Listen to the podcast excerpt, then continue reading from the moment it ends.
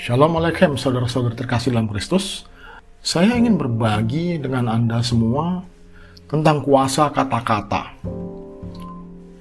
Kata-kata mengandung kuasa yang sangat besar. Kata-kata ini merupakan menurut saya adalah bentuk dari kekuatan terbesar yang dimiliki manusia. Karena kita diciptakan berdasarkan rupa Tuhan. Kalau kita lihat dari kitab kejadian satu, jadi ini kita bicara kitab suci halaman pertama ya, kita bisa baca bagaimana Tuhan menciptakan segala sesuatu dan ya, semua jagat raya ini dari ketiadaan dengan bersabda. Ya. Nah, kita lihat Tuhan berfirman itu selalu selalu terciptanya penciptaannya itu berfirman gitu. Kejadian 1 ayat 3. Berfirmanlah Allah, jadilah terang kan? Berfirmanlah Allah. Lalu terang itu jadi. Nah, lantas di ayat nah, ayat 9 kan? Berfirmanlah Allah, hendaklah segala air yang di bawah langit berkumpul pada satu tempat sehingga kelihatan yang kering. Kembali lagi, berfirman. Ayat 11, berfirmanlah Allah, hendaknya tanah menumbuhkan tunas-tunas muda, tumbuh-tumbuhan yang berbiji, segala jenis pohon buah-buahan yang menghasilkan buah yang berbiji supaya ada tumbuh-tumbuhan di bumi. Nah, kembali lagi berfirman. Ayat ke-14, berfirmanlah Allah, jadilah benda-benda penerang dada cakrawala untuk memisahkan siang dan malam. Biarlah benda-benda penerang itu menjadi tanda yang menunjukkan masa-masa yang tetap dan hari-hari dan tahun-tahun. Nah, di sini kita bisa lihat betapa Tuhan mempunyai kekuasaan yang sangat-sangat besar ya di sini. Jadi kekuasaan utama Tuhan ditunjukkan dari firman. Ini kata-kata loh. Bayangkan kekuatan yang terkandung di dalam kata-kata yang diucapkan. Allah berfirman. Ya di ayat ke-24 kembali lagi berfirmanlah Allah hendaklah bumi mengeluarkan segala jenis makhluk yang hidup, ternak dan binatang melata, dan segala jenis binatang liar.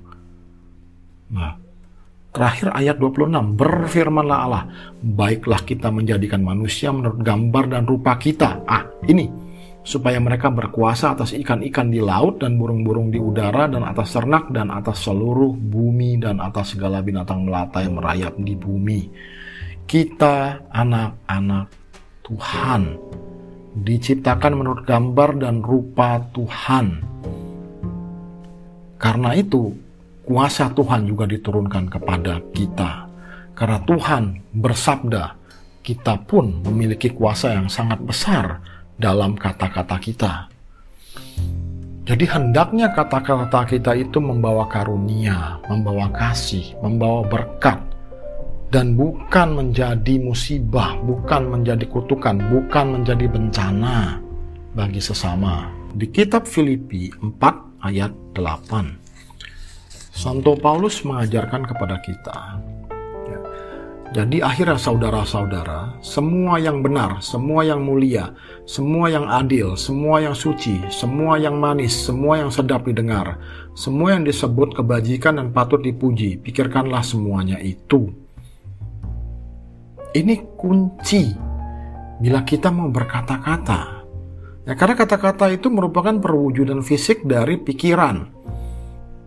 Jadi programlah diri kita untuk senantiasa berpikir hal-hal yang benar, mulia, adil, suci, manis, sedap didengar ya, sedap didengar ingat.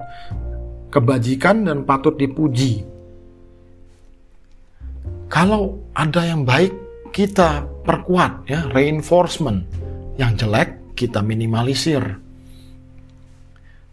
Program diri kita sesuai dengan kemauan Tuhan Nah, maka kita akan menjadi penabur berkat. Ingat, semakin kita banyak menabur, semakin banyak juga kita menuai. Tuhan akan membalaskan ukuran yang kita gunakan kepada kita balik lagi loh.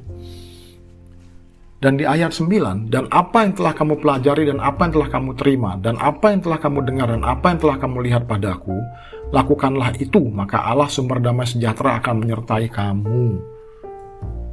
Bayangkan,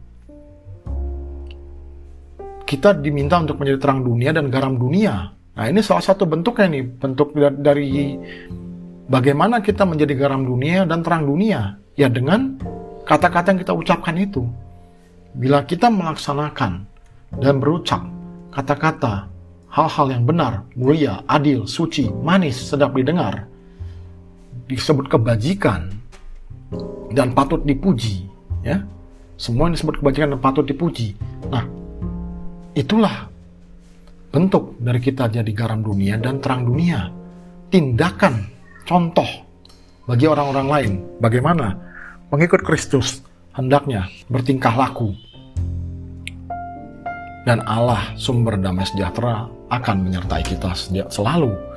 Maka kita tidak akan berkekurangan. Kalau dalam bahasa Ibrani saya tahu nih Allah sumber damai sejahtera ini shalom. Jadi Allah sumber shalom akan menyertai kamu. Shalom ini damai damai Tuhan hanya bisa diberikan Tuhan kepada kita karena sudah damai sejahtera. Kita berkecukupan dalam segala hal dan tetap damai. Damai yang tidak tergoyahkan oleh kondisi duniawi. Jadi ini merupakan berkat yang paling tinggi yang Tuhan berkatkan kepada kita. Selalu, selalu diulang-ulang, ulang, ulang, ulang dari perjanjian lama sampai akhir perjanjian baru. Kalau Tuhan akan memberkati kita dengan shalom. Nah, kalau kita sudah tahu apa yang harus dilakukan, mari kita berlatih setiap hari. Kurangi dari berbicara hal-hal yang negatif jadi yang positif. Secara secara langsung mungkin agak sulit ya kalau Anda sudah punya kebiasaan ngegosip atau apa, tetapi secara bertahap pasti bisa. Jangan mulai membicarakan hal-hal yang negatif. Kalau sudah mulai masuk ya udah di cut off aja langsung stop, masuk ke dalam hal-hal yang mulia dan positif tadi ada hal yang sangat menarik dari kuasa kata-kata ini. Banyak orang mengatakan ini tidak realistis, tidak ada buktinya. Tetapi kenyataannya, seorang profesor Jepang, Masaru Emoto, dia pernah menulis buku ya, Secret Life of Water. Dia, beliau mengadakan serentetan percobaan ya, eksperimen-eksperimen tentang air. Seperti kita tahu, air membentuk kristal-kristal salju yang sangat indah. Dan hanya Tuhan yang bisa menciptakan itu. Karena setiap kristal itu berbeda. Nggak ada yang sama. Ya, aneh kan kalau kita pikir hujan salju ber, berapa triliun berapa triliun salju itu yang turun dan semuanya berbeda molekul-molekul dari dari dari kristal-kristal salju ini. Nah, yang menjadi hal yang menarik adalah air yang diberkati dengan kata-kata yang indah, terus-menerus dikirimkan pesan-pesan yang positif, akan membentuk kristal yang sangat indah. Tetapi air yang dimaki-maki, dihina, direndahkan, tidak mampu membentuk kristal. Air itu mati.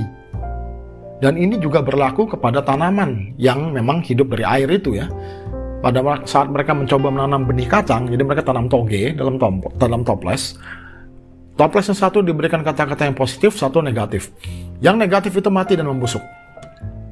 Yang positif togenya berkembang luar biasa tinggi.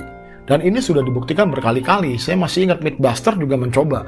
Uh, mereka tanam kacang polong dengan lagu klasik, mereka mendapatkan hasil yang paling tinggi, hasil panenan tertinggi. Jadi tanaman itu dibiarkan kasih musik klasik 24 jam sampai panen. Dan itu mendapatkan hasil yang tinggi. Nah satu lagi mereka kasih lagu rock kalau nggak salah. Itu hasilnya rendah. Lebih rendah dari kontrol kalau nggak salah. Yang tidak dikasih musik apa-apa. Jadi pengaruh kata-kata sangatlah besar. Dan secara ilmu pengetahuan sekarang kita tahu kalau komponen tubuh manusia itu lebih dari separuhnya adalah air. Bayangkan betapa besar dampaknya kata-kata yang kita terima. Dari situ kita juga harus memperhatikan kata-kata yang kita bisikkan kepada diri kita sendiri, self-talk istilahnya sekarang ini. Pastikan kata-kata Anda itu penuh karunia Tuhan dan bukan kata-kata yang toksik ya. Selalu berkati diri kita sendiri dahulu. Aku anak Tuhan, aku dikasihi Tuhan, aku penuh berkat dan karunia kuasa kasih Kristus. Karena trennya cenderung banyak orang itu toksik. Aku tuh nggak bisa apa-apa, aku nggak diberkati, aku nggak disayang Tuhan. Kalau dia mah bisa, saya nggak bisa. Saya bukan dia, saya nggak punya keluarga kaya, saya nggak punya.